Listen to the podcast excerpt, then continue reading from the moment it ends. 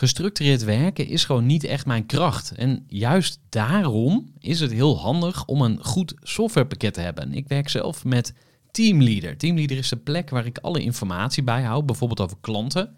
Waarin ik offertes maak en verstuur en die digitaal laat ondertekenen. Waarin ik facturen verstuur, waarin ik lijstjes bijhoud, waarin ik projecten kan managen, waarin ik standaard e-mails kan programmeren. Kortom, ik gebruik Teamleader om alle werkprocessen van mijn bedrijf te stroomlijnen. En zeker ook als je met een team werkt, is het heel fijn om over dezelfde informatie te beschikken. Nou, als je ook benieuwd bent of er mogelijkheden zijn om jouw bedrijf meer te stroomlijnen, of je nu alleen werkt of met een team, ga even naar teamleader.nl slash groeivoer en je kunt dan vandaag nog een trial starten voor twee weken lang, gratis. En je kunt Teamleader volledig uitproberen. En na de proefperiode krijg je ook nog zo'n leuke korting als luisteraar van Groeivoer. Ga naar teamleader.nl slash groeivoer. Gooi voor. Gooi voor. Gooi voor. Zoek je inzicht, inspiratie voor je eigen bedrijf. Wil je elke dag iets leren? Luister dan naar Gooi voor. Welkom bij een nieuwe aflevering van de Groeivoer podcast. En we gaan met de podcast alweer naar 200 afleveringen toe. En toch word ik elke keer weer blij van de gesprekken die ik mag voeren met inspirerende gasten. Ook voor deze aflevering heb ik weer een mooie ondernemer gevonden, Hans van Veghel van Reducate. Je hebt de afgelopen drie jaar vast wel eens overwogen in de coronatijd om een online training of een e-learning te starten. E-learnings zijn hot. Maar Hans is al veel langer met e-learnings bezig, al 25 jaar. En hij heeft er een stevig en succesvol bedrijf mee opgebouwd. Van Veghel studeerde ooit moleculaire biologie aan de Universiteit Utrecht. Hij werkte als productmanager en marketingmanager in loondienst bij farmaceutische bedrijven. Toch besloot hij om te gaan ondernemen en hij begon eWise en bouwde dat in 25 jaar uit tot marktleider in online nascholing. Begin 2022 ging eWise samen met branchegenoot Blueprint Learning uit Denemarken en zo ontstond het grootste nascholingsplatform van Europa. Dus daar gaan we nu lekker met elkaar induiken. En Hans, van harte welkom bij de podcast. Dankjewel. Voor de kennis en ideeën van een interessante gast. Die zijn verhaal met jou wil delen. Luister je naar Gooi voor. We zitten hier in een hele mooie studio. Jullie eigen opnamestudio's voor die online trainingen en die nascholingen.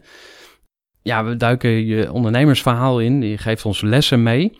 Maar ik wil eigenlijk ook even wat meer weten over eh, ja, waar je vandaan komt. Wil je ons eens eh, voorstellen aan de kleine Hans? Ja, de kleine Hans. nou ja, ik eh, ben altijd eigenlijk al, als kind wilde ik al ondernemer worden. Eh, maar ik had wel zoiets van, ik moet het niet meteen eh, doen als ik vanuit mijn schoolsituatie kom. Dus ik ben na mijn studie moleculaire biologie, ben ik in de farmaceutische industrie terechtgekomen. In sales en met name marketingfuncties. Het leuke aan grote farmaceutische bedrijven is dat je al heel jong heel veel verantwoordelijkheid krijgt. Dat eh, bedrijven ook heel erg denken in eh, de wereld veroveren, ambitieus eh, doen en, en ook ambitieuze plannen. En daar heb ik enorm veel geleerd. En dat heb ik dus meegenomen toen ik zelf een bedrijf startte, EY's, eh 25 jaar geleden. En ehm, wat ik dus meegenomen heb daar is dat als je een bedrijf, je kunt op verschillende manieren een bedrijf doen. Maar als je het ambitieus aanpakt en grootse plannen hebt, dan moet je het ook goed aanpakken. En eh, dat had ik dus geleerd bij de farmaceuten waar ik gewerkt heb. En dat heeft eh, uiteindelijk goed uitgepakt.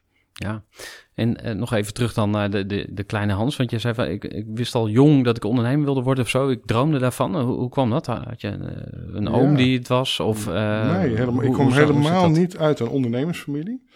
Dus mijn eh, broers en zus, dat zijn hele andere types dan ik eh, ben. Maar ik heb altijd een, eh, ja, ik noem het maar een vrijzinnige gedachtenstroom gehad. Dat ik zoiets had van, zo moet het. En als het er niet is, dan ga ik gewoon zorgen dat het komt. Dus ik denk dat die eh dadendrang, dat dat er altijd ingezeten heeft. En dat je dan dus op een gegeven moment, als je onderneemt, kun je dat het beste gestalte geven. Dus, eh, maar het heeft altijd dus een soort natuurlijk iets geweest. Dus eh, niet bedacht of gezien, gewoon, nou, gewoon doen. En En eh, is er iets wat je ouders je meegegeven hebben, wat je nu nog kan gebruiken? Bepaalde adviezen of, of eigenschappen die in het ondernemen van pas komen? Nou, misschien minder in het ondernemen, maar meer in algemene zin, is dat ehm, eh, integriteit, dat ze dat eigenlijk altijd heel erg belangrijk hebben gevonden en dat ook uitgedragen hebben. En dat heb ik ook altijd heel erg meegenomen, dat ik heel erg geloof dat je, je kunt heel goed succesvol zijn en juist succesvol zijn als je gewoon uh, integriteit en respect voor anderen, als je dat gewoon als kernwaarde hebt. En wat, wat houdt het dan in, de integriteit? Eh, wat is bijvoorbeeld niet integer en wat is dan wel integer? Nou, dat je soms kom je natuurlijk in het zaken doen wel eens in situaties dat je denkt van nou, dit is financieel interessant. Maar eigenlijk uh, om andere redenen uh, die niet integer zijn, moet je het niet doen. En ik heb daar nooit moeite mee gehad om dan te zeggen dat doen we niet. En, uh, dus, dus en dat speelt ook in hoe je als beleid met je personeelsbeleid. Dus een van onze kerncompetenties die we vragen van iedereen, van de, bij wijze van spreken de toiletjuffrouw tot de CEO, is dat je integer moet zijn. Als je dat niet bent, kwalificeer je voor geen enkele functie. En dus hoor je dan niet bij EY's en de cultuur van EY's. Ja. Um, we hebben het over je kindertijd gehad. En uh, toen ging je studeren. Je ging uh, de farmaceutische industrie in. En op een gegeven moment stapte je in het ondernemerschap. En waar ik benieuwd naar ben, is uh, hoe daar door je omgeving op gereageerd werd. Want tegenwoordig is het heel cool hè, om te ondernemen. Iedereen doet het, iedereen kan het. En, en uh, ja, ik denk dat sommige mensen ook wel steeds meer de keerzijdes uh, ervan gaan zien, hè, want je hebt veel onzekerheid. Maar ik kan me voorstellen, 25 jaar geleden, dat het ja, nog best wel een grote sprong was om te gaan ondernemen. Waarom zou je hè, je carrière aan de wil gehangen? Nou, dat, dat klopt wel. En ik heb wel vaker dingen gedaan die uh, mijn omgeving niet logisch vond. Hè? Want na mijn studie, om daarmee te beginnen, dacht iedereen, nou dan ga je het onderzoek in. Want dat is heel normaal als je dat doet. En ik ging de, ja, een beetje vieze commercie in. Hebba. Uh, ja, Hebba. Hè? Dus, uh, Op de Uithof in Utrecht, hè? Want daar heb je gestudeerd. Daar heb ik gestudeerd. En uh, dan vertel je bij het afstuderen en de hoogleraar waarmee ik gewerkt heb... Van, dat, dat ik dus de industrie inging. En dan, nou, dan hadden ze wel zoiets zwaars wel teleurgesteld, zeg maar. Van, en dus ook niet industrie in de research, maar gewoon commercieel. En, dus dat, dat werd ook wel bekeken zo van, goh, ga je dat doen? En toen had ik een mooie carrière opgebouwd in de farmaceutische industrie. En uh, ik werd toen gevraagd om eventueel internationale banen te doen. En toen ging ik dus zelf ondernemen met een, uh, van een mooie leasebak in een oud golfje. En uh, dat had ook iedereen zoiets van, wat gaat hij nu weer doen? Dus, maar dat is, ik denk ook des ondernemers, dat is niet uniek voor mij. Maar ik denk dat een ondernemer altijd ja, iets in zijn hoofd heeft en dat gewoon gaat doen. Ja. We gaan straks ook nog uh, vooruitblikken naar uh, je toekomstvisie en je plannen. Zijn er nog gekke sprongen die je uh, van jou kunnen verwachten of die, die mij, je ooit zou willen maken? Vanuit misschien? mijn perspectief is niks geks, maar, maar in die zin is het natuurlijk wel zo dat je wel eens dingen doet die, die dan onverwacht zijn inderdaad. Dus ja. En kan je iets verzinnen wat, wat, wat een gekke sprong zou zijn waarvan je omgeving denkt van nou...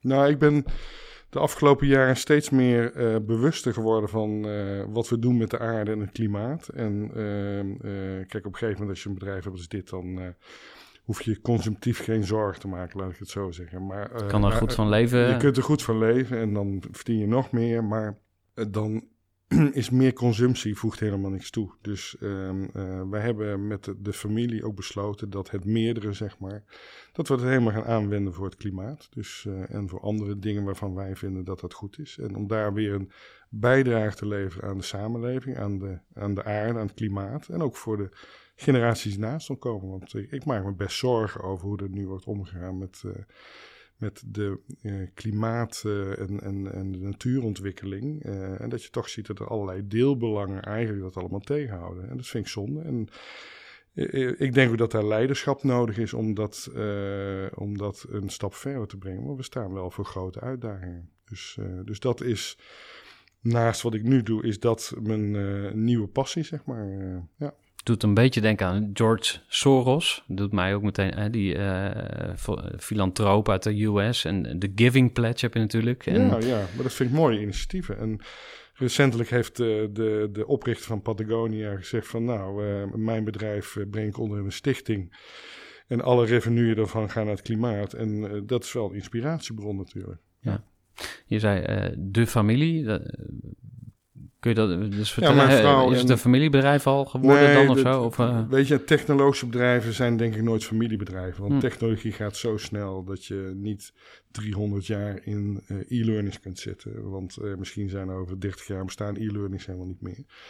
Maar het gaat er meer om dat, ehm, dat je als ehm, eh, gezin, hè, eh, eh, mijn vrouw en, eh, en onze vier kinderen, dat we dat gezamenlijk willen doen. Dat we willen kijken van eh, als gezamenlijke passie, wat ook over generaties heen gaat, om dat op die manier dan uit te dragen. ja. Zitten kinderen ook eh, in het bedrijf? Of is er een van de kids die een eh, baan Nee. heeft? Of het Nee. over zal nemen? nee, Of- nee, nee. nee, dat is dus dat is bij technologie gewoon niet logisch. Ik denk dat, dat, dat je toch bij technologiebedrijven, je kunt nooit stilstaan, je moet doorgaan. Op een gegeven moment wordt de, de, de omvang van de dingen steeds groter en eh, dan, dan, dan werkt dat niet als familiebedrijf. Ehm, we, gaan, we waren nu al lekker vooruit aan het blikken, hè, omdat we het over gekke sprong hadden. Maar eh, nou, je hele bedrijf weggeven, zou je dat ook dan voor je Ja, zien? dan niet helemaal 100%, maar een groot deel zou ik geen probleem mee hebben. nee. Ja. Nee. Interessant. En misschien nog heel even, want eh, ik moet mezelf ook altijd afremmen met, met allerlei vragen stellen, want anders worden het hele lange afleveringen. Maar wat doe je dan precies voor het klimaat? Dus stel je zegt van, nou, ik heb elk jaar een eh, miljoen winst over. Wat, zou je, wat doe je daar dan mee?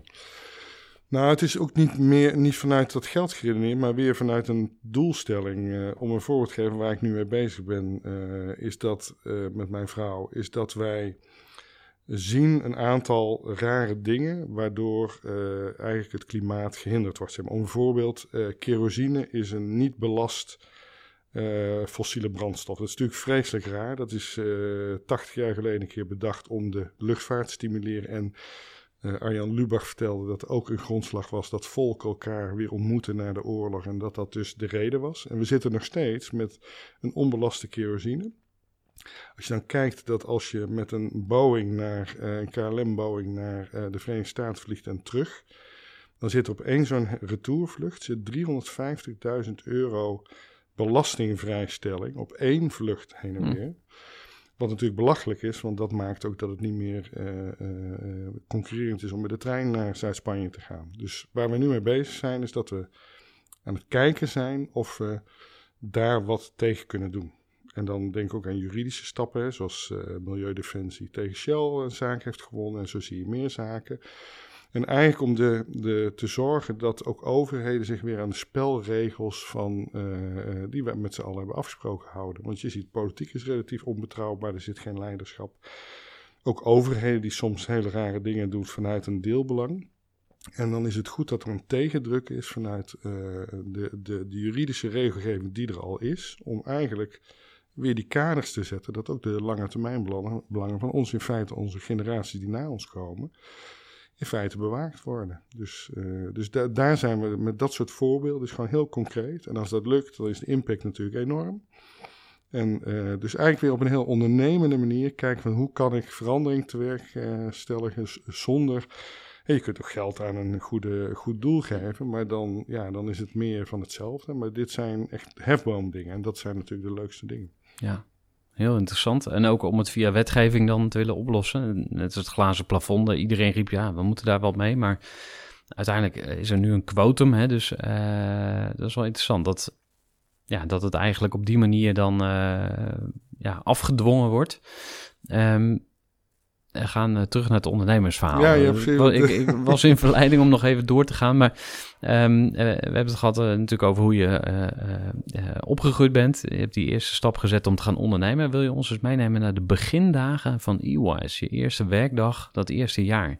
Hoe ben je begonnen? Nou, wat je natuurlijk, wat, wat heel plezierig is aan het ondernemerschap, is dat je ehm, geen baas meer hebt. Eh, Had je een je- vervelende baas? Nee, helemaal niet. Maar eh, je hebt een baas, je hebt kaders, er zijn hè, regels binnen een bedrijf eh, en, en die zijn nodig. Maar als je helemaal met een blanco vel kunt beginnen, dan eh, ben je natuurlijk veel vrijer. En als je eh, een, een ja, filosofie hebt hoe dingen moeten, dan kun je dat gewoon toepassen. En eh, als die goed blijkt te zijn, dan zou je wel succesvol kunnen worden.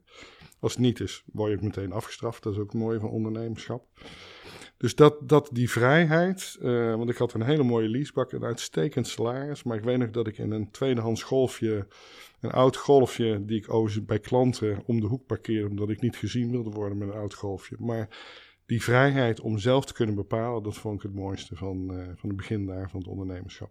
Ja. En eh, waar was je kantoor? Eh, had je medewerkers? eh, Ik ben gewoon vanuit huis begonnen. klant? Ik weet nog dat ik dan klanten belde. En dat waren toen ook farmaceutische bedrijven waar we dan bepaalde diensten voor aanboden.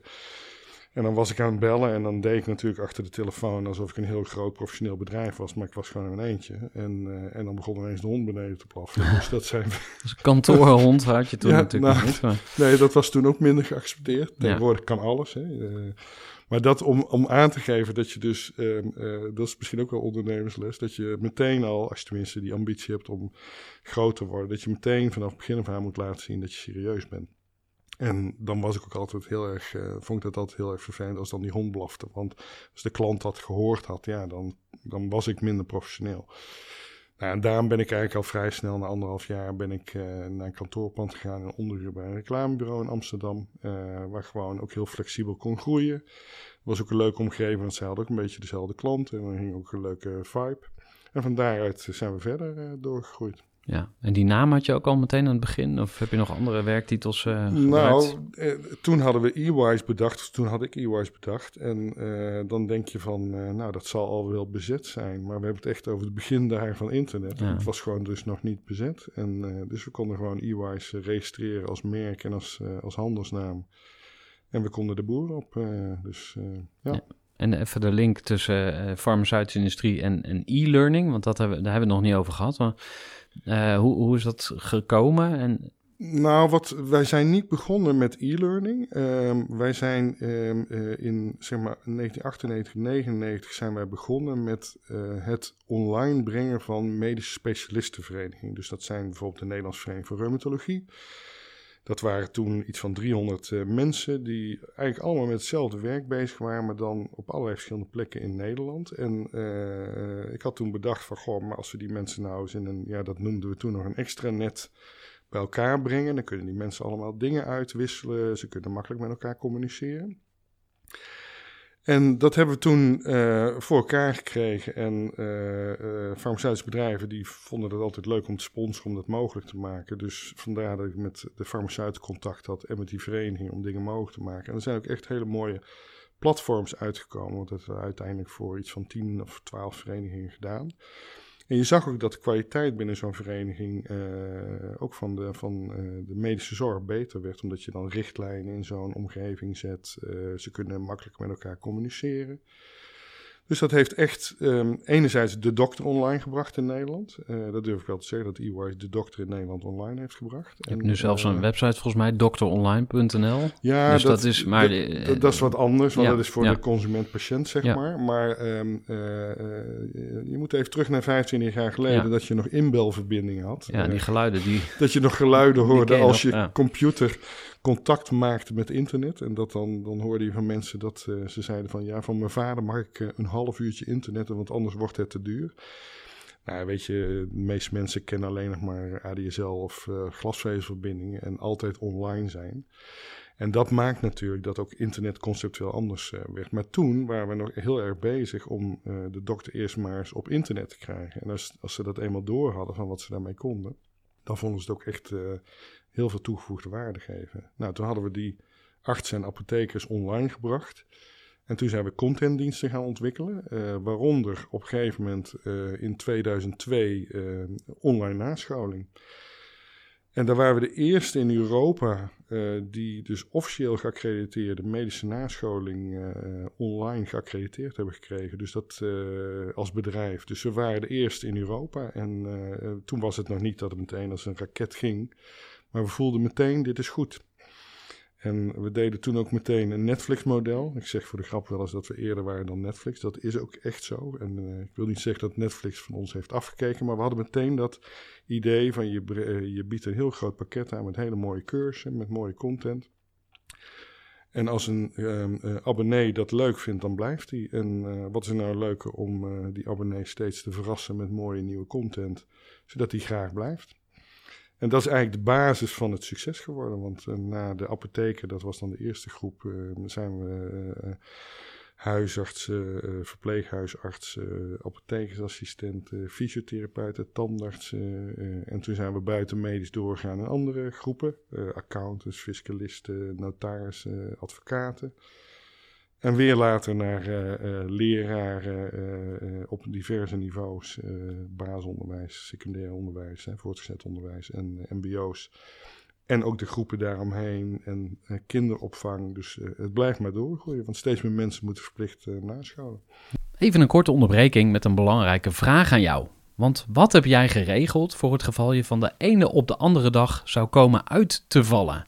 Wat gebeurt er dan met je bedrijf, maar vooral wat gebeurt er met jou persoonlijk en ook in financieel opzicht? Samen met ASR voerde ik drie openhartige gesprekken over tegenslag en veerkracht. En dat deed ik met Saskia, Vincent en Pieter. Ondernemers met een bloeiend bedrijf die van de ene op de andere dag niet meer konden werken. En die verhalen hoor je in aflevering 256, 257 en 258 van deze podcast.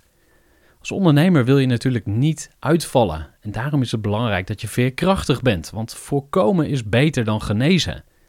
En als het dan toch misgaat, is het fijn dat je iets geregeld hebt, zodat je weer snel door kunt met ondernemen. Wil je weten hoe veerkrachtig jij nu bent? Vul dan in twee minuten de veerkrachttest van ASR in.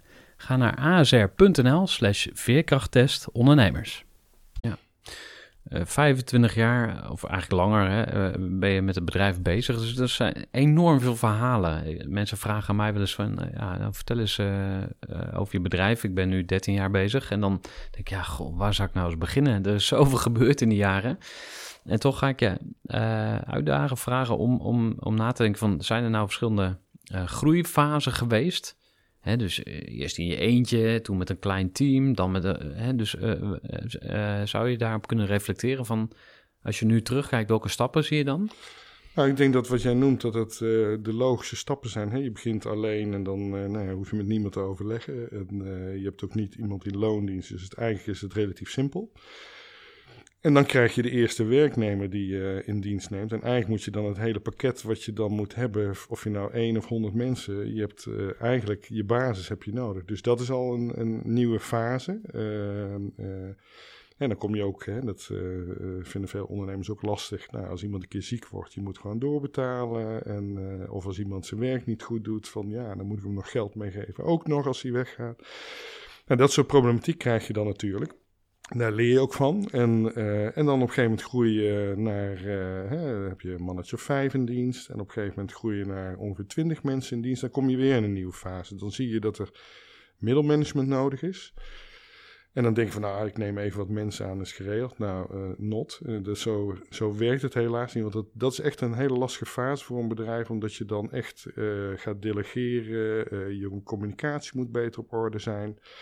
Je moet goede mensen hebben. Hè? Je hebt de neiging om dan te zeggen, nou, ik uh, neem iemand van een grote corporate en uh, nou, die, uh, die kan dat wel. Maar je ziet vaak dat mensen van corporates um, wel veel verantwoordelijkheden hebben gehad, maar dat ze vaak niet zoveel zelf kunnen. Dat, ik chargeer even, maar dat is wel de les die ik heb geleerd. Dat je ook mensen moet hebben die dan gewoon hun eigen broek op kunnen houden. Hm. Dus je maakt fouten. Nou, dan denk je een fase uh, hè, van ik ben een half jaar die fase door. Nou, die duurt twee, drie jaar voordat je die door bent.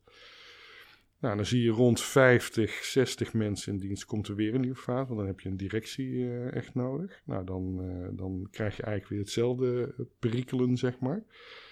Maar als je dat lekker hebt staan, ja, dan kun je echt door naar uh, 100, 150, eventueel 200 man. En ik verwacht dat daar wel weer een nieuwe, uh, nieuwe uh, glazen plafond zit, zeg maar. Dat Mm. je dan weer nieuwe dingen moet oplossen. Ja. Ja, en uh, om even een beeld te krijgen van waar sta je nu ongeveer? Hoe, hoe groot zijn jullie? In Nederland hebben we 90 mensen en in uh, Denemarken hebben we ruim 30 mensen. Dus, uh, dus we zitten nu in de 120 mensen. Maar we groeien nog steeds hard in mensen. Hè. Er zijn die maanden dat er ineens zes of tien mensen tegelijk beginnen. En ja, dat zijn ook van die groeispurten die je doormaakt. Dus, ja. ja. Als je zegt groeien mensen, denk ik groeien in kosten. Hoe, hoe, hoe kijk je ook, daarnaar? Ja. Nou, wat je natuurlijk altijd moet zorgen is dat uh, je groei in omzet uh, in lijn is met je groei in kosten. Maar soms heb je als fase dat je iets wat meer in kosten moet doen, omdat je uh, waarde wil toevoegen die misschien niet meteen zich financieel vertalen, maar dat zijn investeringen in de toekomst. Als je in de technologie zit, kun je nooit stilstaan met je technologie. Dus je moet altijd door blijven investeren. Het kan wel zijn dat het een jaar onevenredig veel is. Maar als dat dan leidt dat het daarna beter wordt, dan is dat een hele zinvolle investering. En je, je hebt natuurlijk als bedrijf wat niet beursgenoteerd is, maar je, hebt gewoon een, uh, je bent gewoon zelf eigenaar van een bedrijf, dan, uh, nou, dan accepteer je dat gewoon. Zeg je, nou, dan dit jaar wat minder winst. Dat is helemaal niet erg, want je weet waarom je het doet.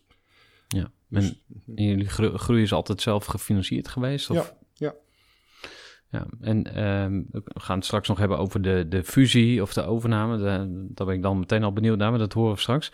Um, die verschillende groeifasen, uh, heb je geschetst. En waar ik zo benieuwd naar ben, is hoe je dan zelf gegroeid bent als ondernemer. Dus uh, wil je daar eens naar kijken van, hey, de Hans van toen, uh, welke stapjes heb je gemaakt? En we zijn natuurlijk ook benieuwd, ik ben heel benieuwd van, ja, wanneer ben je zelf nou echt heel hard tegengekomen? Nou, wat je natuurlijk ziet als ondernemer, dat ik denk dat alle ondernemers dat hebben, dat je uh, uh, het heel, heel veel dingen leuk vindt. En dat je dus heel veel dingen tegelijk wil opstarten. En dan zie je dat dan, als de executiefase begint, dan vinden de meeste ondernemers het al iets minder leuk.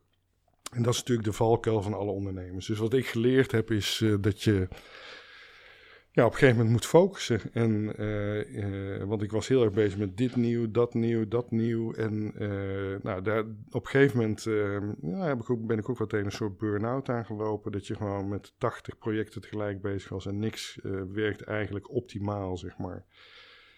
En dan ga je eens met iemand praten en die zegt: Goh, Hans, ik word al moe als ik alleen al hoor wat je aan het doen bent. Dus laat staan dat je het zou moeten doen. En dat was voor mij wel een mooie uitspraak, want toen ben ik eigenlijk meteen dingen gaan afstoten. Um, uh, ook in feite gaan, meer gaan delegeren en, en keuze maken. En daarna komt een fase, dat is dus een bepaalde fase geweest, ik denk 15 jaar geleden. Ja, want hoe oud was je toen ongeveer? Ja, dat was zeg maar de midlife crisis periode. Dus dat zeg maar...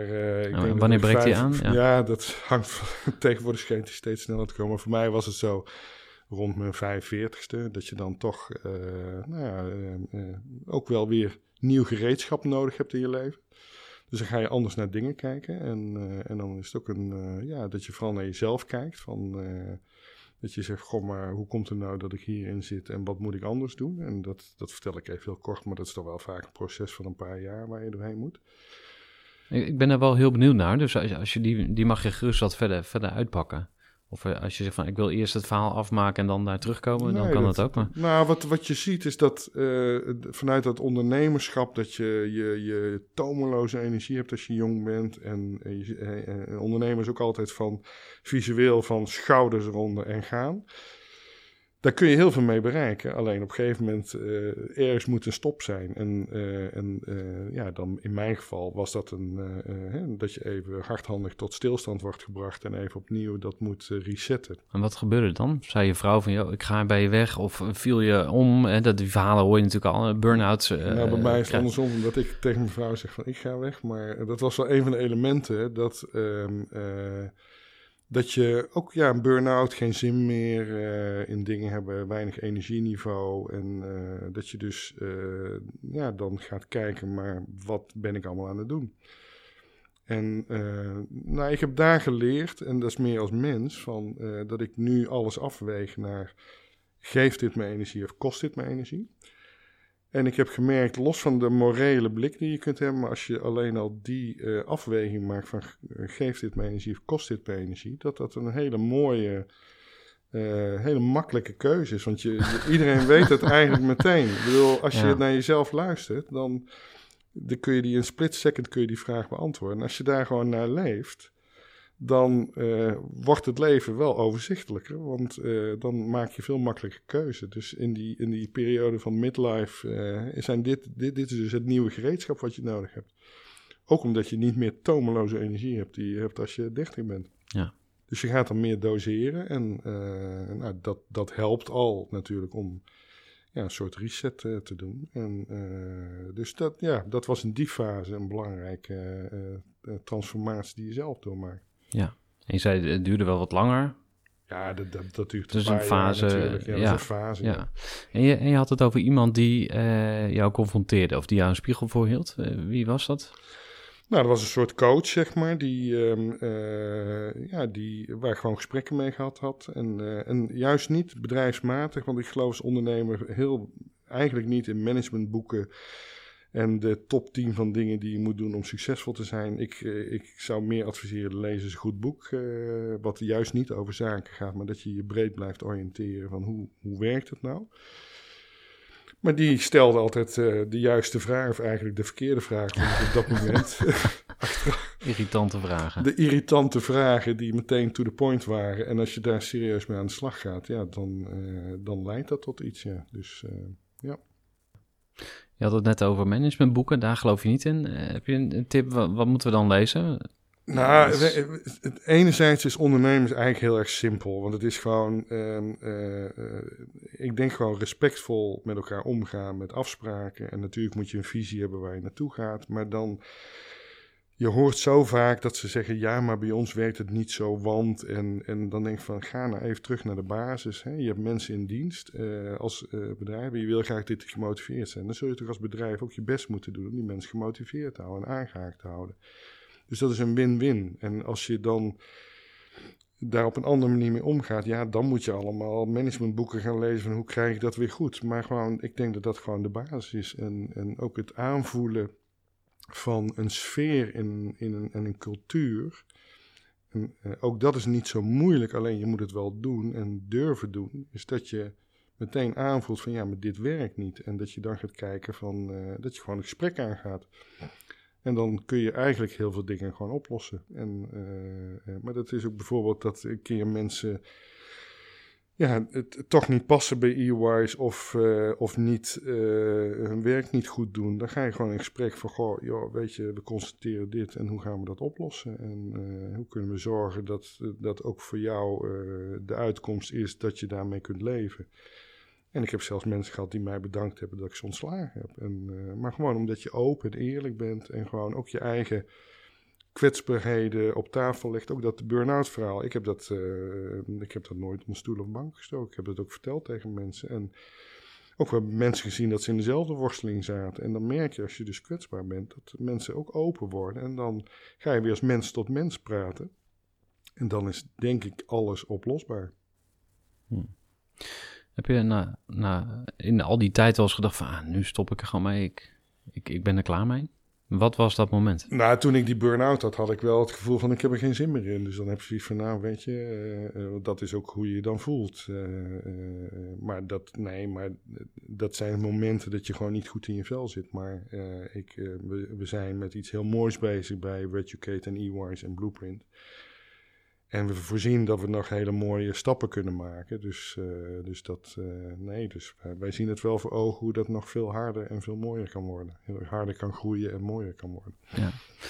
Um, je komt op mij over inderdaad als iemand die veel verschillende dingen kan. Eh, volgens mij zei je er net ook iets over, hè? dus misschien een generalist. Er zijn ook dingen waarvan je ontdekte van ja, dat kan ik gewoon echt niet. Dat, dat, dat is gewoon een, een zwakke plek als ondernemer? Nou, wat ik, wat ik geleerd heb, want dat is even in de fase, hè, want we hadden het net over die fase dat ik 45 was, maar op een gegeven moment, uh, als je dan een fase later dat we ook dat directieteam moesten uh, gaan opbouwen, is dat ik was toen heel erg bezig met uh, mensen helpen dat ze hun werk goed konden doen. En toen dacht ik van ja, weet je, en dan gebeurde dat niet en dan ging ze vertellen wat ze dan wel moesten doen. Toen dacht ik, ben ik een gekke Henkie. Dat is toch niet een, eh, een, een rol van een eh, directeur om uh, te doen wat ik dan zeg. Dus toen ben ik mensen aangenomen met een hele andere filosofie van... Uh, ik neem je aan als directeur en jij moet mij blij maken. En je, natuurlijk als je problemen hebt, dan moet je vooral bij mij binnenkomen en dan kunnen we sparren. Maar dan ga je het wel zelf oplossen. En met, maar dat is zo'n mindset verschil... Want je gaat ander soort mensen aannemen, je gaat betere mensen aannemen. Uh, die zijn natuurlijk ook wat duurder, maar uh, dat, dat heb ik wel geleerd. Als je met goede mensen werkt, hoef je veel minder te managen. Want anders ben je alleen maar shit aan het managen. Terwijl als je gewoon goede mensen neemt, dan ben je succes aan het managen. Dat is een veel leuker, uh, leuker onderdeel dan, dan shit managen. dus dus dat, dat, ik, ja, zie, ik zie je er ook een beetje bij glimlachen. Ja, maar dat, is, dat heb ik ook moeten leren. En uh, uh, als ondernemer moet je natuurlijk heel goed op je kosten letten. Maar dat zijn mensen aannemen die eigenlijk hun werk niet kunnen, goed kunnen doen, maar daardoor iets goedkoper zijn. Dus uiteindelijk is dat duurkoop. Hm. En dat moet je toch leren. En, en dan zie je ook dat je ineens veel harder kunt groeien als je goede mensen hebt. Dus, dus dat betaalt zich gewoon uit. Ja. Misschien wel interessant om, om uh, ook nog wat diepte, uh, dieper in te gaan op jullie verdienmodel. Want uh, alles wat je zegt, dan denk ik, ja, natuurlijk, goede mensen aannemen. Je zei zelf ook al, je moet het wel kunnen betalen. Of nou ja, het is, het is duurder dan, zeg maar, minder goede mensen. Um, welke rol heeft het verdienmodel gespeeld en, en geld verdienen? Um, nou, het is heel simpel. Geld is een middel en het is nooit een doel. Dus uh, wat je wil is uh, uh, onze klanten, die professionals, hele mooie e-learnings geven, dat ze eigenlijk hun kennis en kunde op een hoger niveau brengen, waardoor ze zelf beter kunnen werken, maar ook al hun klanten. En in de medische sector zijn dat dan patiënten. Dus dat is echt onze filosofie. Van wij willen zorgen dat die kennis zo goed mogelijk bij onze klanten terechtkomt, waardoor ze gewoon uh, een betere dokter zijn of een betere advocaat zijn. En um, uh, wat we gedaan hebben is dus dat Netflix-model. Dus de uh, abonnementen creëren waar je toegang hebt tot een groot, groot aanbod. En het voordeel daarvan is dat als je iemand hebt als klant en die bevalt het heel goed en we willen altijd onze klanten blijven verrassen, dan blijven ze. En dat is natuurlijk de basis van het businessmodel, dat je uh, trouwe klanten, die betalen de rekening in feite. En, uh, en natuurlijk probeer je zoveel mogelijk nieuwe klanten te krijgen. En als die ook weer blijven, ja, dan ga je hard groeien. En dan ontstaan de middelen om in feite uh, al die investeringen te doen. Ja, ken je het bedrijf Aanvas? Ja. Ik had een gesprek met de CEO, Bas van der Veld. Ik heb hem laatst nog een keer geïnterviewd toen we daar een event hadden. En uh, ze hebben recent uh, de Great Place to Work Award gewonnen uh, voor beste werkgever in de categorie groot. Of zo. Ik weet niet precies welke categorie, maar toen zei iemand tegen me van ja, dat is ook wel heel makkelijk. Want ze maken, weet ik veel, 100 miljoen EBITDA per jaar. Dus als je heel veel geld hebt, dan is het makkelijk. Dan kun je de beste mensen aannemen, iedereen in de watten leggen. Dan, dus om, om even een beetje advocaat van duivel te spelen. Um, of, of daarop door te vragen van um, uh, welk stukje zit in geld en, en, wat kun je doen los daarvan. En, en als vervolgvraag, die gooi ik er dan misschien ook meteen maar bij op tafel. Uh, stel dat je niet zo'n lekker verdienmodel hebt als ondernemer. Dus het is een beetje de eindjes aan elkaar knopen en een beetje, een beetje schrapen af en toe. Wat moet je dan doen? Nou, Andere dat branche vind ik, zoeken? Of, nou, dat vind ik een hele lastige vraag, want dat is natuurlijk wel uh, in. in uh, ik denk dat onderdeel van het uh, werkgeluk wat mensen hebben, is onderdeel van het succes zijn. En als je, ik noem wat bij PostNL, alleen maar aan het schapen bent en waar het altijd om negatieve energie gaat, ja, dan is het natuurlijk heel moeilijk om de great place to work te realiseren. Dus, je, dus daar zijn we natuurlijk altijd mee bezig geweest. Als je als organisatie ambitieus bent en je wil groeien en je groeit ook en, je- en er ontstaan middelen, is het makkelijker om, uh, om de great place to work te zijn. Dat, uh, sure. Dat is helder. En, um, maar het is, ook, het is ook een filosofie natuurlijk, dat je wil dat mensen graag bij je uh, werken. En dat zit voor een deel in geld natuurlijk. Uh, wij kunnen nu ook meer besteden dan uh, 15 jaar geleden. Maar het zit volgens mij vooral in mensen onderdeel van het succes te laten zijn. En dat mensen uh, at the end of the day dat ze zoiets hebben van... Goh, maar ik heb leuk gewerkt en een leuke bijdrage geleverd en ik ben deel van het succes. Want dat kunnen ze thuis vertellen van, uh, ja, weet je, ik mooie dingen gedaan. En, en dat, dat is denk ik wel belangrijk voor mensen, dat je dat kunt doen. En dat is natuurlijk wel, uh, zeker in de huidige tijd, waar ineens bedrijven door uh, energiekosten ineens een veel moeilijker verdienmodel krijgen. Ja, dan wordt dat wel een lastiger verhaal natuurlijk. Ja. En, wanneer moet je volgens jou stoppen als ondernemer? Nou, wanneer moet je stoppen? Ik denk dat uh, op een gegeven moment um, um, je heel kritisch moet kijken naar je eigen rol. En dat hangt heel erg af van het type ondernemer. Maar je moet um, kijken van voeg ik nog wat toe aan de, aan de onderneming. Um, uh, je moet vooral steeds bezig zijn om, je, om, om jezelf misbaar te maken, want anders uh, is het bedrijf veel te veel afhankelijk van je. En in dat proces hangt het gewoon vanaf van de ontwikkeling van een bedrijf. Van, uh, kijk, er komt voor mij ook een moment dat ik zeg van ja, weet je, ik loop alleen maar mensen voor de voeten en dan moeten de jeugd het lekker gaan doen. En, want die, zijn, die, die doen dingen veel beter dan dan als je op een zekere leeftijd uh, bent. Dus dat, dat, dat, dat kun je niet zo hard bepalen, maar het, uh, ik denk dat je altijd kritisch naar jezelf moet uh, blijven. Ja. Laatste vraag, nou niet de laatste vraag van de podcast, maar wel eh, over eh, eh, het terugblikken. Nou, als je nou één ding anders had mogen doen, afgelopen 25 jaar, wat was er nou, als je de tijd terug mocht draaien, wat, zou je dan eh, gedaan hebben? Nou, kijk, één ding spijt moet je nooit hebben, want je kunt het verleden niet veranderen. Maar als je kijkt naar leermomenten, eh, ooit ben ik geïnterviewd eh, voor BDO eh, magazine en toen werd me ook gevraagd, wat is je grootste fout in het ondernemen? En misschien moet ik dat dan benoemen. Ik heb ooit een buitendienstmedewerker, die, toen hadden we een hele kleine buitendienst van drie mensen en we hadden een buitendienstmedewerker die verkocht leuk. Heel leuk. En die bleek dus de boel te flessen door in feite allerlei rare dingen te doen. En toen zei de salesmanager van ja, nee, we kunnen hem niet ontslaan, want ehm, eh, eh, hij is zo belangrijk voor, voor de omzet. En toen, ja, toen ben ik eigenlijk gezwicht daarvoor door hem niet te ontslaan. Hm. Nou, dat was de grootste fout die ik gemaakt. Ik had hem gewoon moeten ontslaan. En, eh, want A, hij lichtte de boel op, niet integer. Hè. Dat, is dus, dat is ook een van de redenen waarom we dat sindsdien ook als, als belangrijke competentie voeren.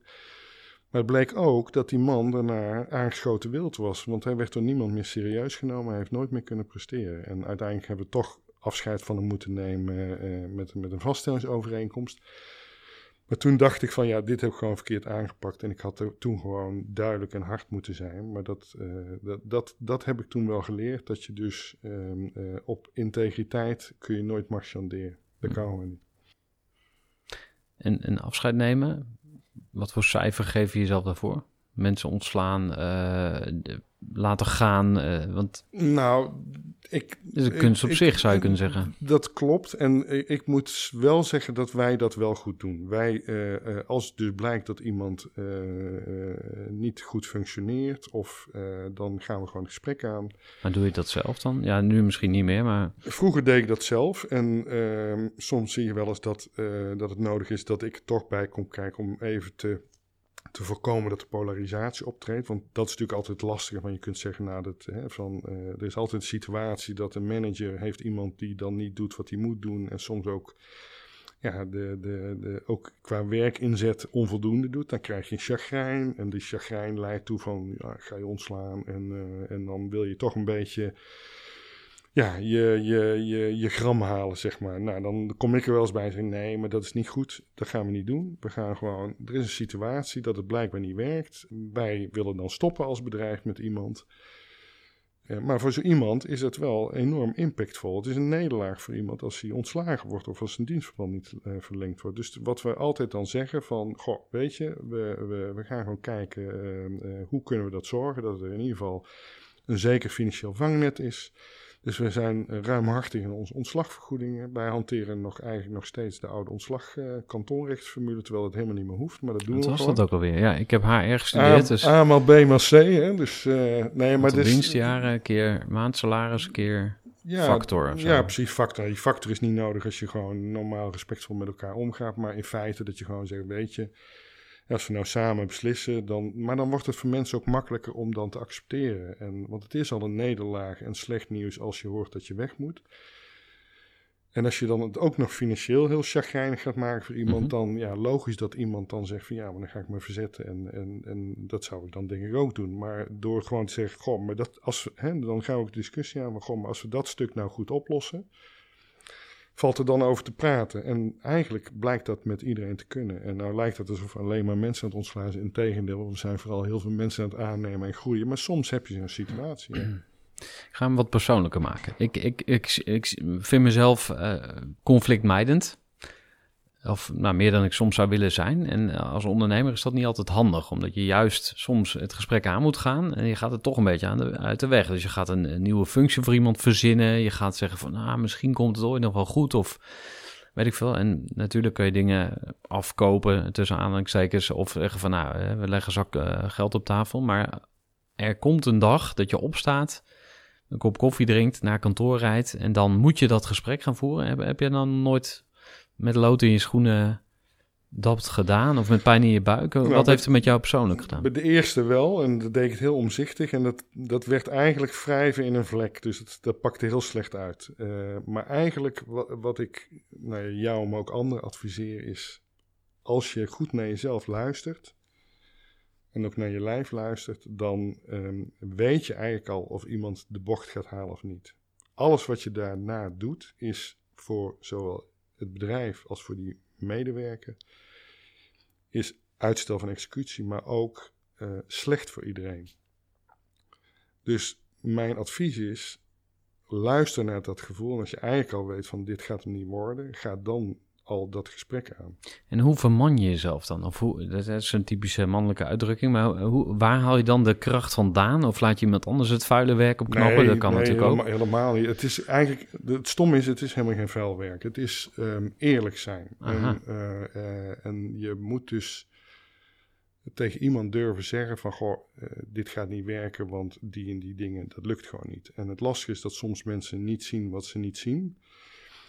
Dat moet je ook eh, accepteren, want dat betekent dat je soms dingen niet kunt uitleggen. Maar je moet wel duidelijk zijn als organisatie, van dat je zegt van ja, maar dit gaat hem niet worden. En eh, eh, dat moet je ook zeggen tegen iemand. En dan is het schuiven van de ene plek naar de andere plek is, is, is voor niemand goed.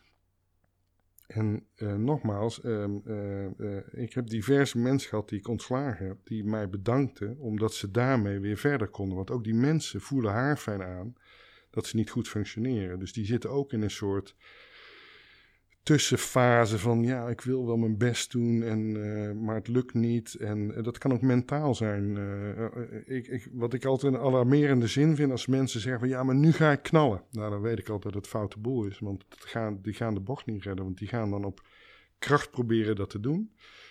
Maar mentaal ehm, eh, en met hun hart zijn ze er niet bij en dan gaat het nooit lukken.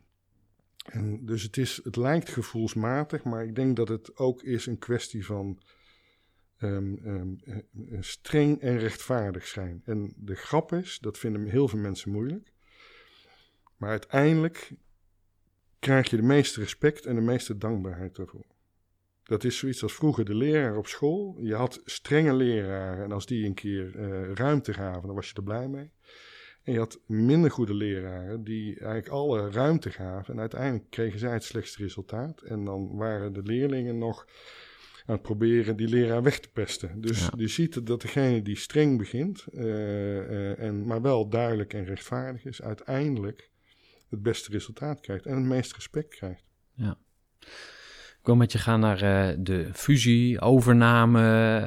hoe, hoe moeten we het noemen? Wil je ons eens kort toelichten wat, wat er begin dit jaar gebeurd is? Nou, wat we, eh, het grappige was dat vorig jaar kwamen we in contact met eh, Blueprint, die eigenlijk hetzelfde doen als wat wij doen, alleen op kleine schaal in Denemarken. Eh, Hoe kwam je in contact? Sorry dat ik je onderbreek. Nee, dat, dat mag je. De, de, via de, de, de voorzitter van de Raad van Commissa- Commissarissen bij hun. Dat was iemand die ik kende. en daar had ik ook wel eens mee zitten bellen van... Goh, hè, we overwegen om een keer internationaal te doen. En hij zegt, nou, ik ga je in ieder geval in contact brengen met, met Blueprint. Dan moet je maar eens kijken of je van elkaar kunt leren. En eh, dat is het grappige van ondernemers. Hè. Ondernemers die eh, willen heel graag delen. En niet zo van, hè, als ik nou dit vertel, dan wil ik dat van jou. Maar gewoon, nou, ik deel het gewoon van je. Want eh, als je dat leuk vindt, dan komt vanzelf wel een keer iets terug of wat dan ook. Maar veel minder vanuit, ik moet iets terug hebben. Dus we waren heel open. Denen zijn ook hele open mensen. Dus eh, Nederlanders denk ik ook. En eh, dus we waren heel open aan het vertellen wat we allemaal aan het doen waren. En zij. En toen hadden we meteen zoiets van, ja, shit, wij moeten dit gewoon samenvoegen. Want samen zijn we sterker dan alleen. En je ziet natuurlijk een trend dat private equity bedrijven dan bedrijven opkopen en samenvoegen. Maar gewoon omdat ze dingen willen stapelen, zeg maar. En wij hadden zoiets van, ja, voordat private equity bedrijven het doen, wij doen dit gewoon zelf. En Ja. wij kunnen het beter. En, eh, dus er was heel snel een, een match op cultuur, op hoe met dingen omgaan. Het businessmodel sloot naadloos aan. Eh, wij hebben natuurlijk een veel langere ervaring dan Blueprint. Dus, eh dus ze hadden zoiets van, nou, we kunnen al die kennis van EY's absorberen en in Denemarken toepassen. En dus het was eigenlijk match made in heaven. Nou, wij zijn veel groter dan zij zijn, maar we hebben er toch voor gekozen om, eh, om het een fusie te laten zijn. eh, omdat je dan samen kunt optrekken. En dat, is, dat, dat pakt er heel erg goed uit. Ja. Ja, en dan heb ik opgeschreven twee kapiteins op één schip. Eh, want Jens Bangliepst, dat is Ja, dan ja. hè, de voormalige roerganger daar. Maar hoe, hoe heb je dat dan ingeregeld? Nou, we hebben het Moest er ingeregeld. een dat- ego op, aan de kant stappen, zeg maar? Of eh, Nee. ben ik gewoon Nou, het grappige is dat het gaat helemaal niet om ego's. Het gaat om een gezamenlijk doel wat je hebt. En het gaat ook helemaal niet om functies en functietitels. En uh, we hebben afgesproken dat ik, uh, ook door mijn ervaring, uh, het meest geoutilleerd was om de groep als CEO te leiden. Um, hij is ook nog heel actief bij Blueprint met allerlei dingen. Maar hij is ook in de Raad van Commissarissen gaan zitten. Dus hij spreekt op die manieren mee, zeg maar. En ook de voorzitter van de Raad van Commissarissen in Denemarken, die is ook commissaris geworden. Dus we hebben heel veel uh, dingen die we samen kunnen doen. En het grappige is dat um, als je als ondernemers dezelfde doelen hebt, dan, dan hoef je al die regelshit, die is eigenlijk vanzelfsprekend. En, en daarom geloof ik ook heel erg in die energie van, als die energie klopt, ja, dan worden dingen ineens weer simpel. Hm. Um, ik wil het nog met je hebben over je, jullie je toekomstambitie. Je had het uh, ook een keer over, uh, dan ga je naar 200 medewerkers, dat is weer zo'n threshold. Uh, misschien heb je wel hele andere doelen, nog, nog, nog wat Europese spelers integreren of zo. Of, nou, wat, dat, wat zou je nog graag willen? Nou, dat is duidelijk de filosofie die ook op reducate.com staat, dat wij um, graag met gelijksoortige bedrijven samen willen gaan om eigenlijk een Europese speler te worden. En ook omdat je dan betere kwaliteit kunt leveren. Maar je ziet dat de, de investeringen die je nodig hebt om technologisch zeg maar bij te blijven, die worden steeds groter. Als je dat gezamenlijk kunt doen met bedrijven als onderdeel van een groep, dan kun je daar een soort kostefficiëntie realiseren. En misschien ook wel een hoger niveau van innovatief, innovativiteit realiseren.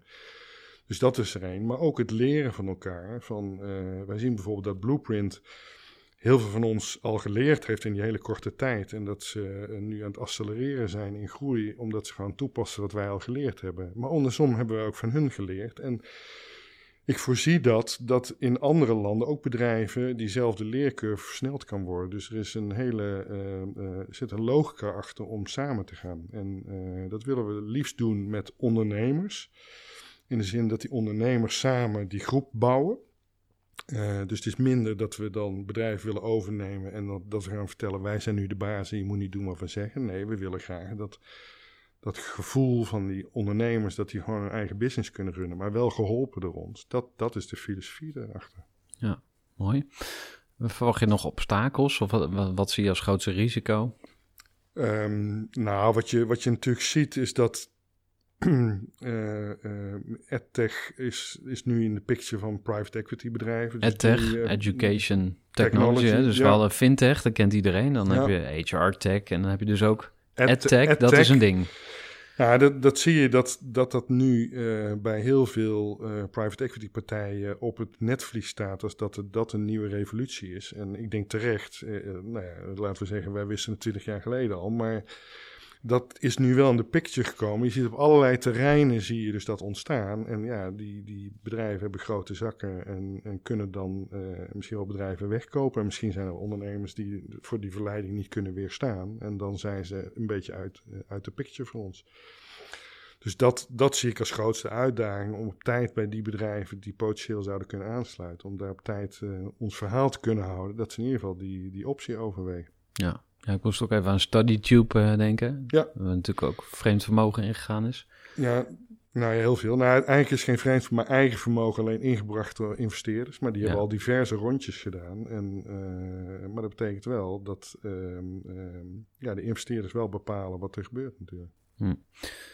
Nou, moet ik zeggen dat StudyTube, die sta, staat toch bij mij, uh, zit meer in de categorie van, uh, ja, vrij jonge ondernemingen waar veel uh, investeringsgeld in gegaan is. En dan gaat het ook altijd over unicorns. Ja. Dus we willen eigenlijk zo snel mogelijk een bedrijf bouwen wat een miljard waard is of meer. En is dat iets waar, waar jij wel mee kan? Of is dat de nieuwlichterij dat je denkt van ja jongens, ik, daarom kondig ik jou ook al aan. Hè? Zo van ja, iedereen wil tegenwoordig wel uh, iets met edtech of uh, met, met, met online dingen. Maar jij doet het al heel lang. Hoe kijk nou, je naar zo'n unicorn? Uh... Nou, ik begrijp wel vanuit private equity en vanuit StudyTube dat, weet je, bij hun is het model natuurlijk zo snel mogelijk zoveel mogelijk klanten op, op dat platform. Want volume is omzet en dan stijgt natuurlijk je marge relatief. Dus dat is een logisch spel. En dat die dan streven van we moeten zo groot worden dat we unicorn moeten worden, want dan is het rendement voor de investeerders het. Dus dan krijg je een soort omge omgekeerde redenering. Kijk, ik zeg niet dat ik het erg zou vinden als we unicorn zouden worden. Zo, uh, zoveel ego heb ik dan ook nog wel. Maar uh, dat is toch niet het streven. Het streven is om een mooie groep te maken. En uh, als je dus waarde toevoegt, dan is dat secundair eraan. En, uh, en dat maakt dan in feite hoe je tegen dingen aankijkt. En, de, de, en nogmaals, twintig jaar geleden hebben we al die keuze gemaakt. achteraf simpel, maar eigenlijk toen ook niet onlogisch. Dus je moet gewoon je kopie bijhouden en de juiste dingen doen en kritisch naar jezelf zijn. En dan dus op die manier probeert te groeien. En de grap is dat je dan wel ziet dat je steeds waarde toevoegt. En ik heb wel gemerkt dat naarmate je groter wordt, wordt het wel makkelijker. Dus het is wel zo dat hoop voor de kleine ondernemers die aan het groeien zijn, van uh, hoe verder je komt, hoe makkelijker het wordt, het spel. Omdat je dan uh, ja, gewoon uh, reputatie hebt, je hebt meer continuïteit omdat je veel meer mensen hebt, je kunt verder professionaliseren. Dus dus je komt steeds in een nieuwe fase waarbij je wel stabieler en uh, waardevoller wordt. Dat is, uh, dat is evident. Ja, en zou zo'n zo'n strategie om, om samen te gaan met anderen interessant zijn? Want ik heb, dat, ik heb een uitzendbureau. Ik heb ook al eens gedacht van ja, er zijn 6500 uitzendbureaus in Nederland. Dat zijn er wel heel erg veel. Hè? Dus moet er niet een soort consolidatieslag komen. Ik ben ook al een paar keer benaderd door bedrijven die waren uitzendbureaus aan het opkopen om ze samen te voegen. Maar jullie hebben eigenlijk zelf die handschoen opgepakt. Nou, dat klopt, want je ziet dat, maar dat is, ik denk, bijna in iedere markt zie je op een gegeven moment dat er consolidatie. En dat is even afhankelijk van de timing, want niet iedere markt is daar meteen geschikt voor. Maar je ziet dat op een gegeven moment als er veel partijen komen die relatief hetzelfde doen, dan is het logisch om ze bij elkaar te voegen, omdat je daarmee uh, uh, waarde kunt toevoegen. Uh, nou, kijk, bij uitzendbureaus je ziet natuurlijk wel een, uh, een steeds verdergaande specialisering hè, op, op, uh, op uitzendbureaus. En dat je dan eerst zou je zeggen nou, je doet uitzendbureaus bij elkaar en nu misschien nou, uitzendbureaus op HR en uitzendbureaus op finance of whatever. Dus dat, dat past zich wel aan, maar dat er consolidatie komt in zo'n markt is logisch. En dat is denk ook waarom wij denken van ja, die consolidatie die gaat er komen, maar wij willen graag de regisseur daarvan zijn. Ja. Maar dan, dat is toch wel interessant. Van, uh, ik denk dan meteen, ja, dan wil ik wel een beetje de baas blijven, tussen aanhalingstekens. Van, je wil eh, de regie houden. Dus hoe, hoe... Nou, de regie als bedrijf. En uh, uh, kijk, ik ben 59, dus uh, ik moet ook kritisch naar mezelf zijn. Ik ben de jongste niet meer, dus dat betekent dat ik kan wel zeggen, nou, ik wil nog 20 jaar de regie houden, maar dat is, dat is natuurlijk geen reële gedachte. Dus er komt een moment dat je gewoon dat stokje moet overgeven. Maar dan moeten we gewoon zorgen dat er goede mensen zitten. En natuurlijk, als je samen gaat, dan verwater je ook in je aandelen. Dus dat betekent dat je stem uh, niet meer de enige stem is, maar dat er meerdere stemmen komen. Maar dat kun je ook zien als dat het sterker wordt. En, uh, en uh, dat, die filosofie heb ik, dat, dat, dat uiteindelijk word je er dan sterker van. Ja. Dus je zou kunnen zeggen van nou, we hebben vijf uitzendbureaus, die gaan samen. Uh, en die vijf ondernemers die dan eigenaar zijn, die stellen bijvoorbeeld een CEO aan. En die gaat de groep leiden? Of, ja, dat, dat, ja, dat hangt heel erg af van de situatie. Want er zijn ook ondernemers die vinden het leuk om iets aan de rol te brengen. En dan willen ze eigenlijk eruit, want dan, uh, dan hebben ze hun ding gedaan. Dat, dat, ik denk dat dat voor heel veel ondernemers een prima route is om te doen. Omdat je dan uh, eigenlijk doet waar, wat je het leukste vindt, nieuwe dingen opzetten. En dan verkoop je het of je fuseert het en, en dan ga je weer wat anders doen. Uh, en je hebt ondernemers die uh, beginnen een bedrijf in een eentje op een, uh, een zolderkamer en willen dat zelf uitbouwen. En, maar er komt ergens een, een, moment dat alles heeft een, een lifecycle. En als ik naar mijn eigen lifecycle kijk, dan, ja, dan, dan moet je gewoon reëel zijn dat ik niet dit twintig jaar nog ga doen. Dat is duidelijk. Maar ook, ik moet ook kritisch naar mezelf zijn. Dat je dus nu al met je opvolging bezig moet zijn. En dus niet alleen op directieniveau, maar ook daaronder dat je jonge mensen de ruimte biedt om die nieuwe fundamenten in die organisatie neer te zetten. En dat kan ook zo zijn dat je dan, stel dat een bedrijf zich aansluit en er zit een jonge dynamische CEO die zegt, ja maar dat is de gast die dat dan weer verder moet leiden. Ja, ik zou daar niks op tegen hebben. Mooi. We moeten helaas gaan uh, afronden, want we zijn alweer uh, goed over het uur. Ja. En um, ik sluit eigenlijk altijd af met de beste ondernemerslessen. Je zei net van, ja, nee, uh, voor mij geen managementboek. Maar mocht je er zelf een schrijven, wat, wat zou je dan als, als ja, belangrijkste lessen willen meegeven aan ondernemend Nederland? Nou, de allerbelangrijkste die ik zelf ook geleerd heb is focus. niet versnipper je aandacht niet, maar wat je doet, doe dat goed. Uh, want die versnippering leidt uiteindelijk dat, dat niks helemaal goed is. En, uh, door gewoon, uh, en dat is lastig voor ondernemers. Want de, de, de afleiding is er. Ik hoor jou ook al zeggen: ik heb een dit en ik heb een dat en ik heb een uitzendbureau dan denk ik dat je dus heel erg versnipperd bezig bent en dat je dus nooit zult excelleren in, in al die losse stukken. En het is zoiets als een zanger die gaat acteren en een acteur, die gaat zingen. Ja, je ziet eigenlijk zelden dat dat op hetzelfde niveau is. Hè? Dus, dus focus is heel erg belangrijk. Ik denk dat je, nou ja, nogmaals, die integriteit en respect, dat zijn gewoon, ja, gewoon hele simpele menselijke normale dingen, zou ik zeggen. Dat moet je vasthouden. en, uh, ja, en ik denk dat je mensen moet inspireren. Als je mensen in dienst neemt, dan is het niet alleen dat ze een salaris krijgen, maar je moet mensen inspireren. Dat ze voor je willen werken. En, en, en daarbij heb je ook een verantwoordelijkheid. Hè? We, bedoel, we hebben nu 130 mensen in dienst met daar 130 gezinnen achter. Ja, je moet als directeur ook de verantwoordelijkheid voelen dat je er ook voor die mensen moet zijn. En uh, ik heb ook wel mensen gehad die hier niet meer werken, die vonden die titel directeur op een kaartje het allerbelangrijkste, maar niet de verantwoordelijkheden die je hebt. En het, gaat, het is andersom, want als directeur kom je eigenlijk pas als laatste aan de beurt. Dat is eigenlijk hoe je moet, moet leiden. Hè? Dus het, is, het gaat om leiderschap. Mooi. Nou, we hebben toch nog samen managementboeken geschreven. Nou, een uh, one, one pager, hè? Ja. veel goedkoper. Dus, uh, ja. Meer heb je niet nodig. Dankjewel, Hans. Graag gedaan. Ja.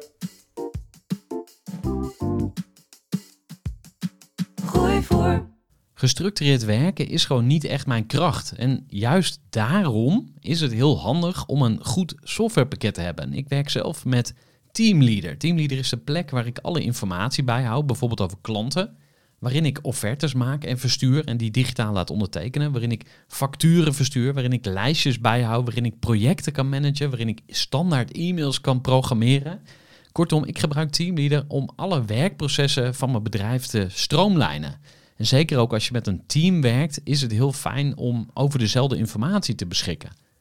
Nou, als je ook benieuwd bent of er mogelijkheden zijn om jouw bedrijf meer te stroomlijnen, of je nu alleen werkt of met een team, Ga even naar teamleader.nl slash groeivoer en je kunt dan vandaag nog een trial starten voor twee weken lang, gratis.